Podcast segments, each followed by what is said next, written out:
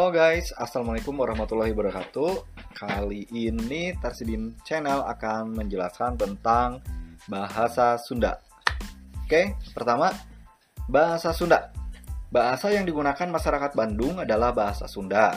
Namun, tak banyak orang yang sangat mendalami dan mempelajari bahasa Sunda.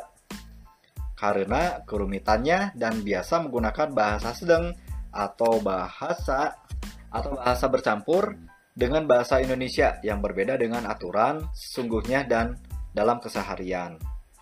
Oke, keunikan bahasa Sunda adalah digolongkannya kembali bahasa tersebut ke dalam enam tingkatan yang berbeda, fungsi dan aturannya. Di antaranya, pertama, cohag. Cohag adalah bahasa paling kasar yang digunakan untuk hewan. Contohnya, nyatu, lelebok. Bahasa kasar loma ialah bahasa Sunda yang lebih bawah dari cohang. Biasanya diucapkan sebagai ekspresi rasa marah. Contohnya, anjing. Bangkarawah. Selanjutnya, kasar adalah bahasa Sunda yang lebih bawah dari kasar loma. Biasa digunakan sebagai komunikasi oleh orang tua kepada anak-anak atau anak-anak yang lebih bawah usianya. Contoh, dahar, sare, sia, dan lain. Bahasa sedang Bahasa Sunda sehari-hari yang biasa dipakai untuk berkomunikasi dengan seumuran atau yang paling muda. Gak usah dijelaskan ya, itu mah biasa ya.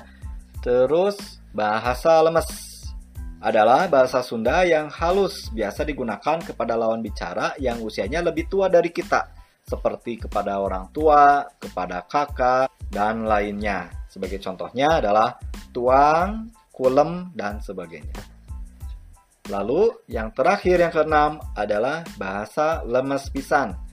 Adalah bahasa Sunda yang paling halus yang biasa dipergunakan untuk berbicara kepada raja, pejabat, atau orang yang memiliki kekuasaan. Namun sekarang lebih banyak dipergunakan untuk membacakan doa kepada Tuhan Yang Maha Esa.